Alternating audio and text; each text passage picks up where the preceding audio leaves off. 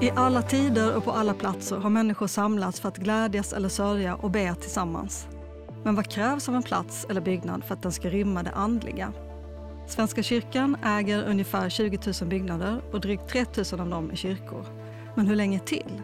För hur ska församlingarna ha råd att ta hand om sina fastigheter när allt färre är medlemmar i Svenska kyrkan? Och hur ska framtidens kyrkobyggnader se ut? I det här avsnittet ska vi prata om kyrkan som fastighetsägare, om riktigt långa tidsperspektiv, om andliga rum och andlig hållbarhet.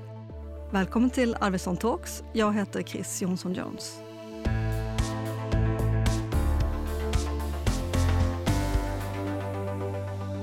Jag har under en tid försökt sätta mig in i en helt ny och parallell värld som är Svenska kyrkan för att förstå fastighetsfrågan i det här sammanhanget, vilka frågor som är aktuella för dem och vart kyrkan är på väg i sin roll som fastighetsägare. Och för en tid sedan så stötte jag på arkitekten Claes Ruin som tyckte att han inte fick prata så mycket om kyrkor som han vill. Mm -hmm. Så välkommen Claes Ruin! Stort tack! Du driver arkitektkontoret Spridd i Stockholm. Mm. Kan du säga någonting om er som kontor? Vad har ni för specialitet? Mm, ja, jag driver det tillsammans med Ola Broms Wessel sedan 20 år tillbaka snart. Och, eh, ja, en specialitet har ju kommit att bli eh, kyrkobyggnader, ombyggnader av kyrkobyggnader. Men eh, historiskt har vi jobbat med väldigt mycket, från inredning till stadsplanering. Så det är en sådär drömmen om det breda eh, arkitektyrket. Från muttern till liksom, tankar om samhällsutveckling. Att både liksom ha det långa perspektivet i ombyggnad samtidigt som man bygger nytt. Mm. Det är alltid värt att på något vis syna den liksom samtida nybyggnationen med historisk arkitektur i botten. Just det. Mm. Det var när Stadsmissionens hus på Söder i Stockholm skulle byggas om som ditt arbete med kyrkor började, eller hur? Mm. Och Spridd vann en arkitekttävling. Mm. Kan du berätta om arbetet när Sankt Paulskyrkan blev mötesplats Mariatorget? Sankt Paulskyrkan från slutet av 1800-talet som tidigare varit en metodistkyrka. Ja, alltså man, om man går utifrån på Sankt Paulsgatan eller vid Mariatorget så är ju inte skillnaden jättestor. Men invändigt då så är ombyggnaden skulle man säga, radikal, väldigt omfattande. Om man i korta ordalag säger vad de ville göra, de ville kunna ha en mycket mer flexibel kyrkobyggnad för parallella verksamheter. Det pågår ett, ett, ett, väldigt komplext och digert program. Generösa öppettider och maten är ju central för Stockholms Stadsmission. De kunna laga mat och servera mat och få det att fungera. Arbetsplatser, olika mötesrum och eh, en bestyckning med teknik, alltså för en, som en kulturscen och som en konferensscen. Och, så att det här är liksom ett, kan man säga, ett modernt kulturhus eller kan ni hitta många olika namn på vad det är de ville skapa. Mm. Men vad händer då med andligheten i ett rum när det byggs om och med kulturarvet? Ja, det, är en, det är en jättestor fråga. För att få in alla de här nya rummen så förändrar man. Man inser ganska snabbt när man ställs inför de frågorna att, att här behövs ganska stor förändring. Och då kan man göra det på massa olika sätt. Det finns ju en stark tradition också inom den antikvariska världen och ombyggnadsvärlden bland liksom klassade byggnader att man tydligt redovisar det nya tillägget så att man så att säga kan avläsa kyrkans historia.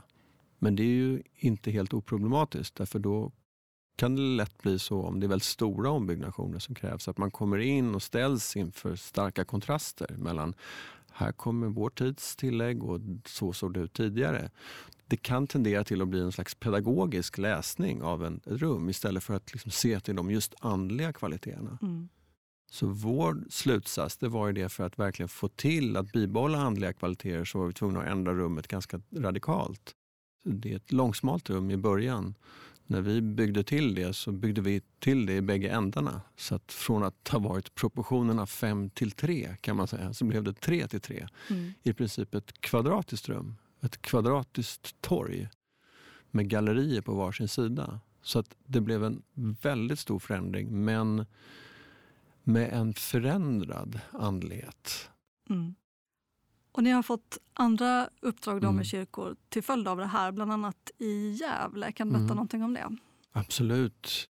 Du nämner Gävle och det är för att den är extra intressant därför att den kanske är den mest omfattande. Det är en uh, heliga trefaldighetskyrkan och det här är ju då en kyrka som ligger mitt i stan där församlingen ställs inför samma utmaningar som andra församlingar i, i Sverige. Och de vill möjliggöra en förändring av den här centralt belägna kyrkan som i, sina, i sin vision påminner om Sankt Paulskyrkan vid Mariatorget. Och då är det ju Svenska kyrkan och vi talar om ett väldigt viktigt historiskt arv. Och, och det kan man säga mycket om, men, men det finns många likheter. Är det en funktion som kyrkan egentligen har haft historiskt? Eller? Ja, och det kan man ju säga. Om man läser liksom från, det är många nu inom Svenska kyrkan och även forskare och folk som intresserar sig för de här frågorna som ju direkt ser kopplingar tillbaka i kyrkohistorien. Ja, som kyrkan som samhällsbyggare och, eh, och kyrkolokalen också. Mm. Som en plats för en, för en bredare liksom, funktionspalett kan man säga.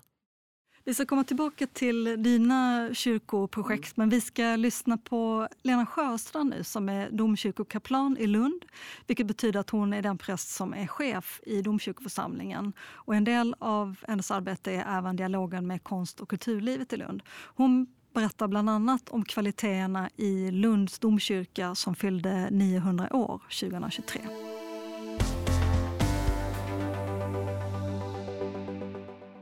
Hej Lena Sjöstrand, välkommen till Arvidsson Talks.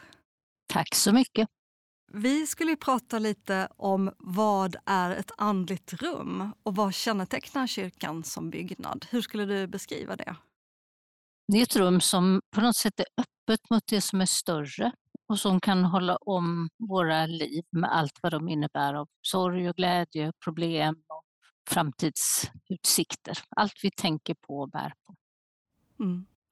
Finns det några likheter med andra religioner och vad, vad den kristna kyrkan och rum för andakt eller andliga möten? Eller vad ska säga. Finns det likheter mellan religionerna? Mm, en intressant likhet är ju att man ofta orienterar rummet i geografin. De allra flesta kyrkor är ju vända mot öster utifrån att det är där livet förnyas på morgonen, ljuset kommer tillbaka. Och det finns ju också sådana bilder i Bibeln av Kristus som morgonstjärnan eller den uppgående solen. Så att då kan man säga att kyrkorummet är klart en inre orienteringsplats där man tittar inåt. Men det är faktiskt också en plats i det yttre rummet där man räknar med väderstreck, sammanhang, den yttre miljön på något sätt. Finns det någonting i själva kyrkorummet som hjälper till att nå det inre andliga rummet i människan? Ofta finns det någon form av rytm i ett kyrkorum. Alltså man kommer in genom vapenhuset, det är som en slags förberedelsezon, man träder över tröskeln. Många gör, markerar på något sätt när man går över tröskeln, kanske med ett korstecken eller stannar till. Och så finns det ju tydligt fokus i rummet med altaret eller möjligen flera altare. Att jag tror att den här rytmiseringen av vandringen in i rummet hjälper mig också att liksom öppna inåt på något vis. Och att man kan tänka att kyrkorummet är både ett yttre rum där jag kan söka påfyllning, jag kan söka möte med andra och med sammanhang, men det är också ett rum som vill inbjuda mig att, att också blicka in i mig själv. Mm. Om man ska prata om något specifikt exempel då. Har du någon favoritkyrka och vad finns det för kvaliteter i den byggnaden? Lunds domkyrka är ju ändå min favoritkyrka. Och en sak är ju att den har tre nivåer. Att det både finns liksom det öppna rummet som är väldigt nära det yttre torget. Det är väldigt lätt att gå in i domkyrkan. Och sen kan man gå upp för den stora trappan. Då gör man någon slags uppstigning. Man, den, den platsen fungerar också lite grann som att ta ut distans till det vanliga vardagliga livet. Och sen då kryptan där man stiger ner som är lite mörkare, lite mer hemlighetsfullt och som ju också har kvar den helt ursprungliga romanska karaktären med de romanska valven och där vi vet att väldigt mycket är kvar så som det var från början. Det finns någonting liksom omfamnande i rummet. Mm. Finns det någonting i själva arkitekturen, tror du, som gör att domkyrkan har kunnat leva och vara så välfungerande under all denna tid? Jag tänker att en aspekt är att det är ett rum med väldigt långa rötter och lång historia, men det har aldrig förvandlats till ett rum som bara speglar dået. Det har aldrig bara varit ett museum eller ett historiskt rum under hela domkyrkans livslängd så har det funnits människor som har brukat rummet, tagit hand om det, renoverat, påverkat det. Och det tror jag bidrar till att rummet förblir levande och att man upplever att det är ett rum som fungerar i nuet och inte bara blickar bakåt. Jag tror ju att det har stor betydelse att, en, att rum liksom bär på erfarenheter hos människorna som har varit där. Alltså det finns ett slags avtryck i väggarna av bön och kamp och glädje och smärta. Och att vi vet inte precis det, vi vet inte vad som har sagts eller gjorts eller betts eller sådär. Men när vi går in i rummet så får vi ändå kontakt med det. Och då blir det liksom någonting längre som sträcker sig genom tiden och att mitt liv fogas in i ett större sammanhang, även om jag inte direkt i ord kan uttrycka det.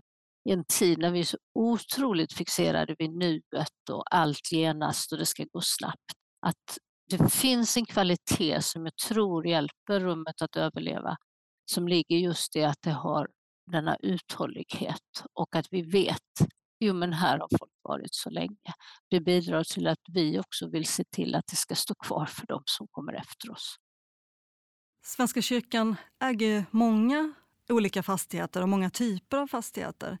Och det finns ju en diskussion kring om kyrkan har råd att ta hand om sina kyrkor, just att de ska hålla långt in i framtiden. Hur ser den diskussionen ut i Lunds domkyrkoförsamling? I Lund som helhet så pratar vi ju just om nu, hur ska vi...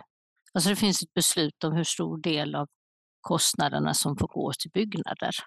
Och för att uppnå det i längden liksom och med kanske en realistisk syn på att vi får ett minskat medlemsantal under väldigt lång sikt. Då, då måste man ju börja resonera om vilka byggnader kan man göra sig av med och kan man använda dem på olika sätt. På landsbygden, på vissa ställen så kan ju kyrkan vara det, det sista gemensamma rummet så att säga. För affären är stängd och det finns inget postkontor och ingen vårdcentral. Biblioteket finns i huvudorten och så. Och kyrkan representerar ju då så mycket av att också vara bygden och sammanhanget och där man kan träffas eh, liksom inte hemma hos någon och så. Och att stänga eller lägga ner en kyrka då blir ju på något sätt också ett led i en nedrustning av bygden och det är ju väldigt smärtsamt. Och att vi, det är rum som vi lär oss att älska.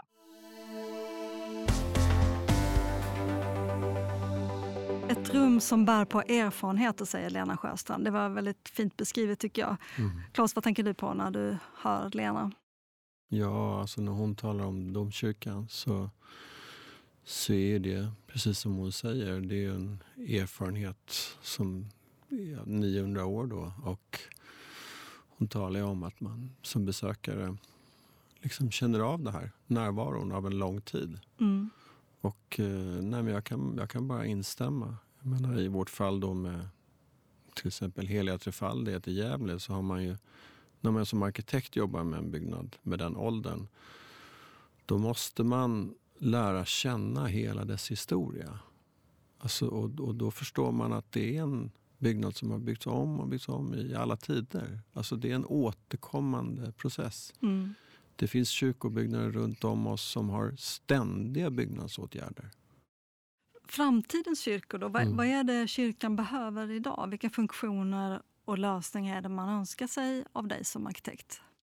Det är ju en väldigt stor önskan om att vara socialt relevant kan man ju säga.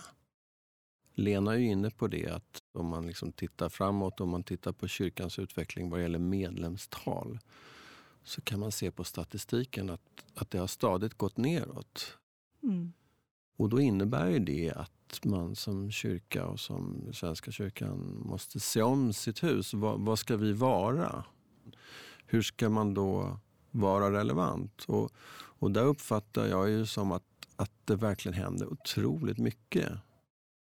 Nu har jag framförallt mött stads, alltså innerstadskyrkor och ett väldigt ökat intresse för dem. Och eh, att synliggöra en miljö som kanske inte är vad folk i gemen förväntar sig av en kyrka. Det innehåller kultur, samling. Jag menar det, det är ju inte auktoritärt på något sätt. Det är väldigt öppet och öppet för vad samtiden önskar av kyrkan. Mötesplats Mariatorget är ju också en stark kulturscen. Är, är det en framtid för kyrkorna tror du? Att bli det i ännu högre utsträckning? Ja, det är en väldigt intressant fråga. För det, det, stämmer som du säger. Och, eh, Mötesplats Mariatorget, Sankt Paulskyrkan, den planerades ju utifrån en teknisk synvinkel för att verkligen vara en välutrustad ny kulturscen. Och då talar vi om avancerad ljud och ljus och att möjliggöra också för att ha konserter med liksom en viss, alltså fönstren är omarbetade så att det inte ska komma ut för mycket liksom, ljud till omgivande liksom, kvarter. Nu har ju Mötesplats Maria tagit drygt ett år på nacken och med Rebecka Törnqvist som kulturchef så är det ett fantastiskt kulturutbud. Så det här är en ny kulturscen i Stockholm. Och det är i en tid när vi alla vet att kulturscener läggs ner av mer privata eh, ägare som sitter kanske fast i bostadsrättsföreningar eller i täta stadskvarter. Så har vi då de här gamla kyrkorna som ligger fristående byggnader som väl rustade då kanske kan liksom ta upp stafettpinnen kring att vara en kulturscen.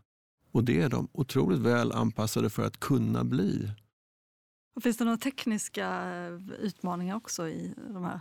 Ja, absolut. Vi, jag menar, det, det faktum är att med den tekniska expertis som krävs för de här projekten så skulle jag säga att det här är en plats för innovation idag. Alltså, vi pratar om värme inte minst och ventilation. Eh, alltså värmen är extremt viktig, hur vi tillför golvvärme, hur vi liksom har väldigt avancerade värmelösningar för att förse de här byggnaderna med rätt temperatur. Och klimatmässigt eh, pratar vi idag primärt om luft.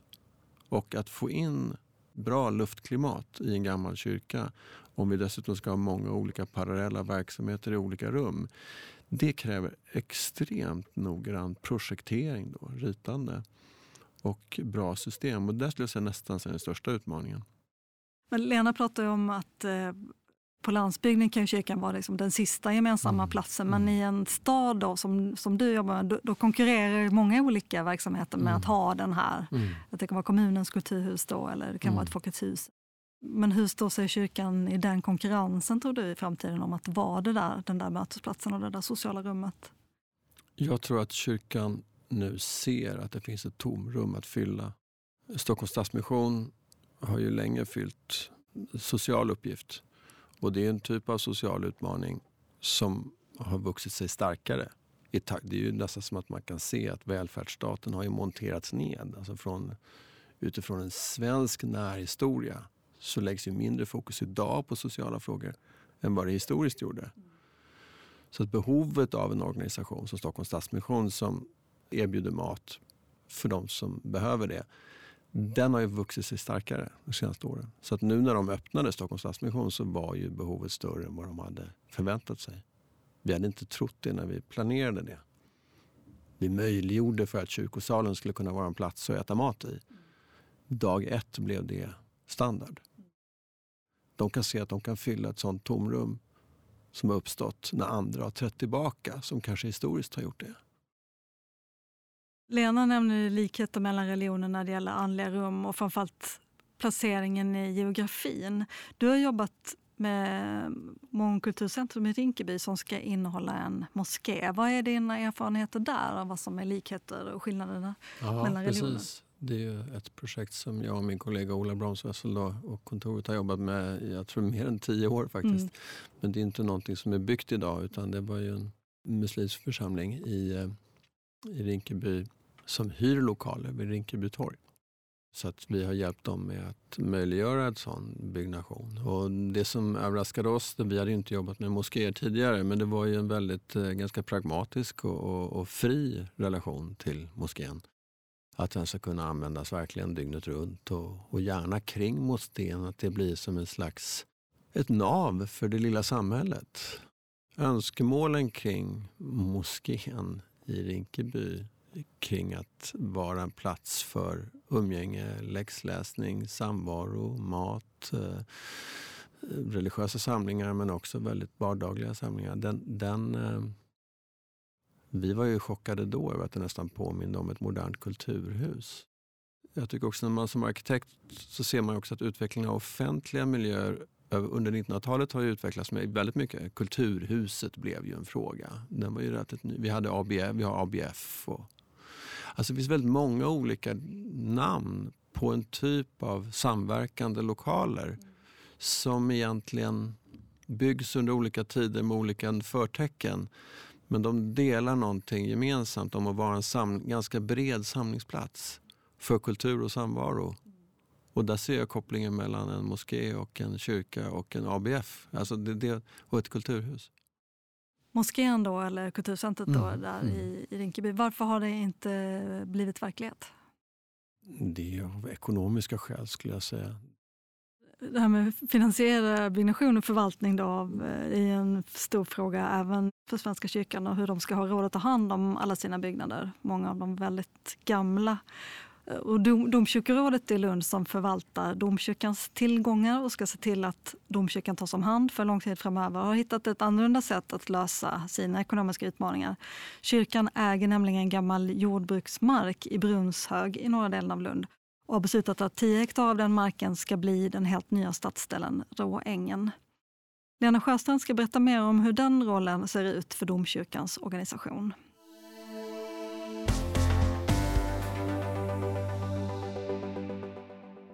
Vad gör att eh, Lunds domkyrkoråd väljer att göra ett stadsutvecklingsprojekt på sin mark i Brunnshög i Lund? Vad ledde fram till det beslutet?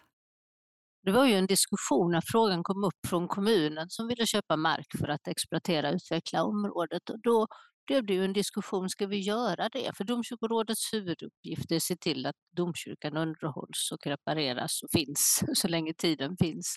Och det är klart, då är det bra att sälja mark. Då hade man ju fått in pengar till renoveringsprojekt och så. Det var ju två aspekter skulle jag säga i det, som båda handlar om värden. Det ena var att eh, det liksom väcktes en tanke på att vi kanske ska göra så som vi uppfattar att domkyrkan har gjort tidigare, nämligen varit del i, i samhällsplaneringen. Då väcktes ju frågan och liksom viljan att pröva hur skulle vi kunna påverka framväxten av en ny stadsdel utifrån de värderingar som eh, domkyrkan representerar och vill stå för.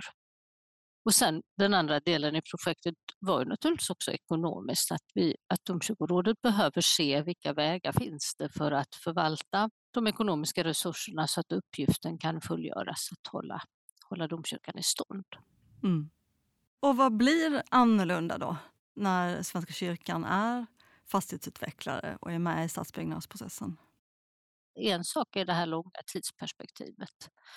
Att det är påfallande många som har sagt att åh, vad skönt, ni har sån lång tid på er. Ni har liksom 900 års perspektiv nu hoppas vi väl att vi ska ha gjort någonting på, på Brunnshögsområdet innan det har gått 900 år. Men, men någonting att, de, att jag förstår liksom i den branschen, bland arkitekter och, och, och stadsplanerare, att det är väldigt korta perspektiv. Det är 50 år, då är det långt och det ska gå snabbt och så. Och här finns ju lite grann i domkyrkans DNA att nej men det är inte så bråttom och vi har tid att tänka efter och vi har tid att liksom låta någonting växa fram. När det gäller hållbarhet till exempel så är ju tanken på någon, någon form av andlig eh, hållbarhet är ju ett perspektiv som vi har fört fram. Det som är bra för människans existentiella reflektion och erfarenhet, en slags trygghet också i inre och mental mening. Helt konkret så pratar vi väldigt mycket om mellanrummet. Det blev ett jätteviktigt begrepp från oss vi har ju tagit hjälp och jobbar fortfarande tillsammans med White Arkitekter som har jobbat mycket med värdebaserad stadsplanering. Och väldigt snabbt så blev det otroligt centralt för oss att tänka kring mellanrum. Och då, då har det blivit någon slags metafor för hur vi vill tänka kring den här delen, då, Råängen. Att inte börja så mycket med att tänka på hus, utan börja med att tänka på det som finns mellan husen och sen bygga husen kring de platserna. För vi upp, upplevde väl att det kanske ofta är så att man först bygger man husen och så uppstår det någonting emellan och så tar man hand om det.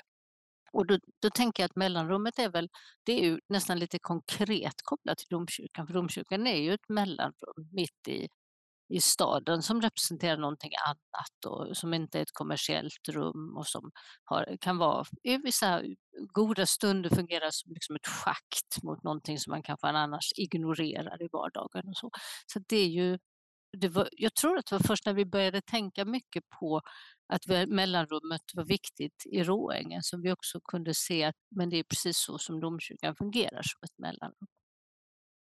Här i Brunshög så kommer eh, ni att sälja av mark till andra fastighetsutvecklare men kyrkan kommer också att själv bygga bostäder. Hur kommer man att märka av det, då, de som flyttar in i de här bostäderna? Kommer de att märka att det är kyrkan som är värd? Men det är också en väldigt bra fråga. Det, det tror jag kanske inte att man omedelbart kommer att göra. Man kommer, det som är tanken och förhoppningen är ju att man ska kunna känna av de värden som vi vill lyfta fram. Och kan man det har vi ju verkligen lyckats så att säga. Och det hoppas vi också att det ska, ska lyckas. Så där är den stora utmaningen att förmedla det och att hitta de som vill jobba på det sättet och också hitta någon form av kontrollfunktion. Hur, hur ser man till att det faktiskt blir i den riktningen vi vill och, och klart det är inte precis som vi tänker för då är det ju ingen viss att någon annan kommer in utan vi behöver ju kunskap och kompetens och andra ögon och så. Men, men egentligen vore det ganska dåligt om det var så att man kunde säga de och de och de husen, där var kyrkan med mer, men de och de och de såldes av till det bolaget. För drömmen är ju att hela området präglas av den vision som vi har jobbat fram. Vilka värden är det som är viktiga för er att ställa som krav på de som ska utveckla fastigheter eller bostäder i Brunnshög? En sak som är viktig är ju då det här tecken på grannskapet, att det inte bara handlar om att bygga enskilda hus utan att man också tar ett ansvar för själva området och eh, hur människor möts, inte bara i det egna huset utan också i själva området. Och landskapet är också någonting som är jätteviktigt och där kommer ju hela den frågan med hur vi kompenserar för att vi utnyttjar eh, åkermark. Och det är också någonting som tar vid och jobbar vidare, måste också förhålla sig till den frågan. Det ska finnas blandformer i hur man bor är ju också en intention vi har. Det är ju ganska svårt just nu för nu är det ju eh, nästan ingen som bygger och det är väldigt olönsamt att bygga hyresrätter till exempel. Och de blir ju också dyra vilket ju gör att det, det finns en utmaning när det gäller att, att göra det möjligt för människor med olika ekonomi att bo på området. Och det är, det är ju någonting som är viktigt för oss och är en verklig utmaning i arbetet och där har vi inte, vi, vi har ju inte hittat liksom facit. Vi gör så här så har vi uppnått det. Men att, att den som bygger vidare måste också vara intresserad av att jobba för detta och, och lägga in, in, energi och kraft i det. Mm. Och det här stora projektet nu i Brunshög, är det lösningen då för domkyrkan i framtiden? Kommer det pengarna in att säkra omhändertagande och överlevnad i 900 år till? Ja, det är ju målet är ju att det gör det och att vi samtidigt bygger en stadsdel som eh, genomsyras av det som är gott både för människan och resten av skapelsen. Det är absolut visionen och det vi vill. Sen hur långt vi kommer på det, det vet vi inte och det finns en, ett äventyr i det för vi har ju inte, även om vi har varit väldigt eh, aktiva, vi i stor mening, liksom i samhällsbygget och så, så, så just den här typen av projekt är ju inte någonting som vi är vana att göra. Så vi är ute på okänd mark och prövar oss fram. Men vi hoppas att det ska kunna gå att kombinera de här två behoven på ett gott sätt. Stort tack Lena Sjöstrand för att du ville vara med. Tack, det var roligt att få prata om de här sakerna med dig. Tack.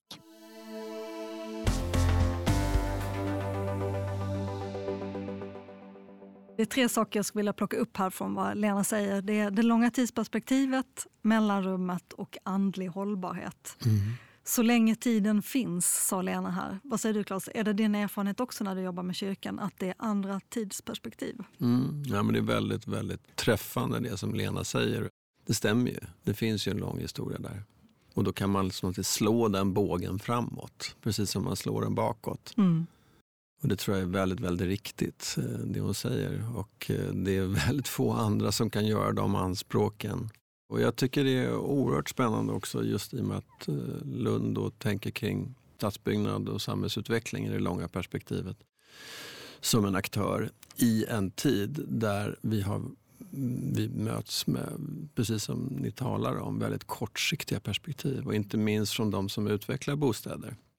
Och för kommuner och andra som ju har det ansvaret att planera vår mark så är ju rimligen kyrkan som Kyrkan är ju en historisk, Lena är ju inne på det, att kyrkan har en historisk roll som samhällsbyggare och som bostadsutvecklare. Det ser vi ju runt om i Stockholm.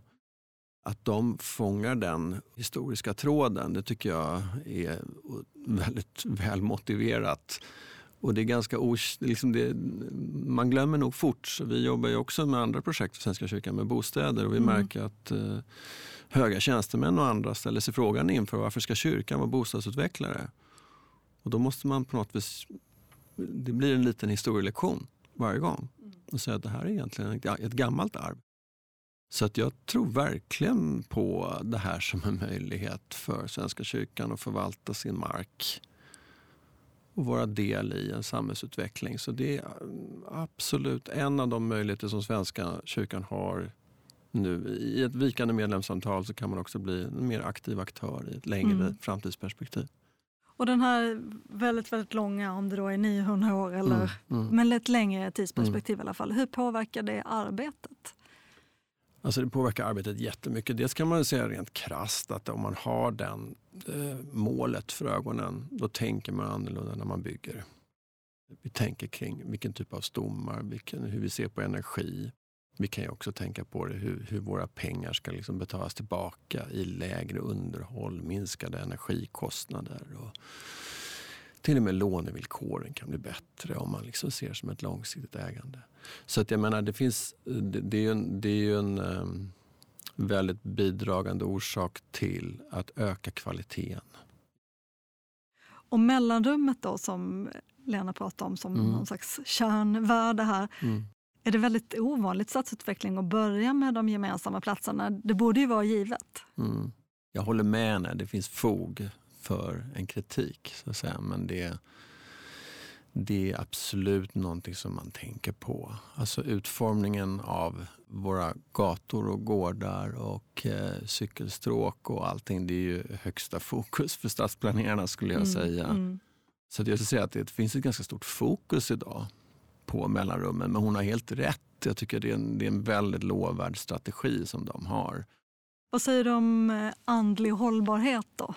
Ja, men... Skulle det kunna vara användbart att prata om? Ja, absolut. Jag tycker liksom hållbarhet är ju vår tids begrepp. Så har det olika ben. Och nu lägger Lena till ytterligare ett ben. Mm. Och det, ja, det är ju helt uppenbart att när man är i kyrkorum så blir man ju påverkad. Rummet har ju en enorm påverkan på en. De höga takhöjderna, ljuset och ett slags fokus. Jag tror att nästan alla kan förstå att, att det där har relevans. Liksom. Frågan om andlig hållbarhet. Mm. När man själv tänker på ens minnen av kyrkliga rum. Mm. Jag tänkte på det inför jag kom hit apropå, mm, det finns ju en risk i de här projekten. Det är därför som det är svårt. Mm. Det är därför som antikvariska myndigheter är satta att bevaka. Mm. Att, att man ska bevaka kulturarvets kvaliteter. Det finns ju jättestora risker i att man går in och bygger om och förstör. Och man förlorar sakrala kvaliteter och förlorar de andliga hållbarheten som Lena är inne på. Mm. Så det är en oerhört krävande uppgift. Jag insåg det, ett exempel just med Gävle när vi, församlingen uttryckte en önskan om massa behov. Då.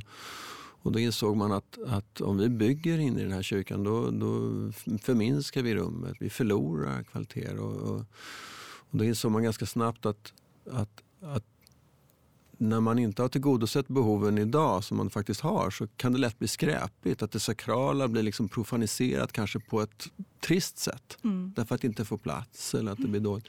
Så att när man gör de här projekten och tillför rum eller, då kan man också lyfta de sakrala kvaliteter som finns. Att de blir fredade. För att liksom tillgodose de här mer profana kvaliteterna på ett välorganiserat sätt.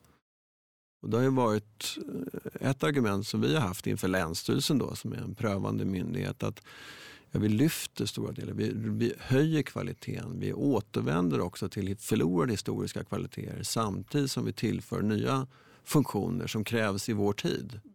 Jag tror att det finns massa risker i det här men det är oerhört spännande och det krävs, det krävs stor noggrannhet och det krävs prövande myndigheter som Länsstyrelsen och det krävs en en stor idédebatt inom den antikvariska världen och kring eh, ett levande kulturarv. Så där, där är en stridslinje. Och det kan man ju tolka olika utifrån vilken position man är satt att pröva projektet. Så det, man ska nog ha väldigt stor förståelse för att det är olika aktörer med olika sakintressen som står mot varandra, som behöver samverka.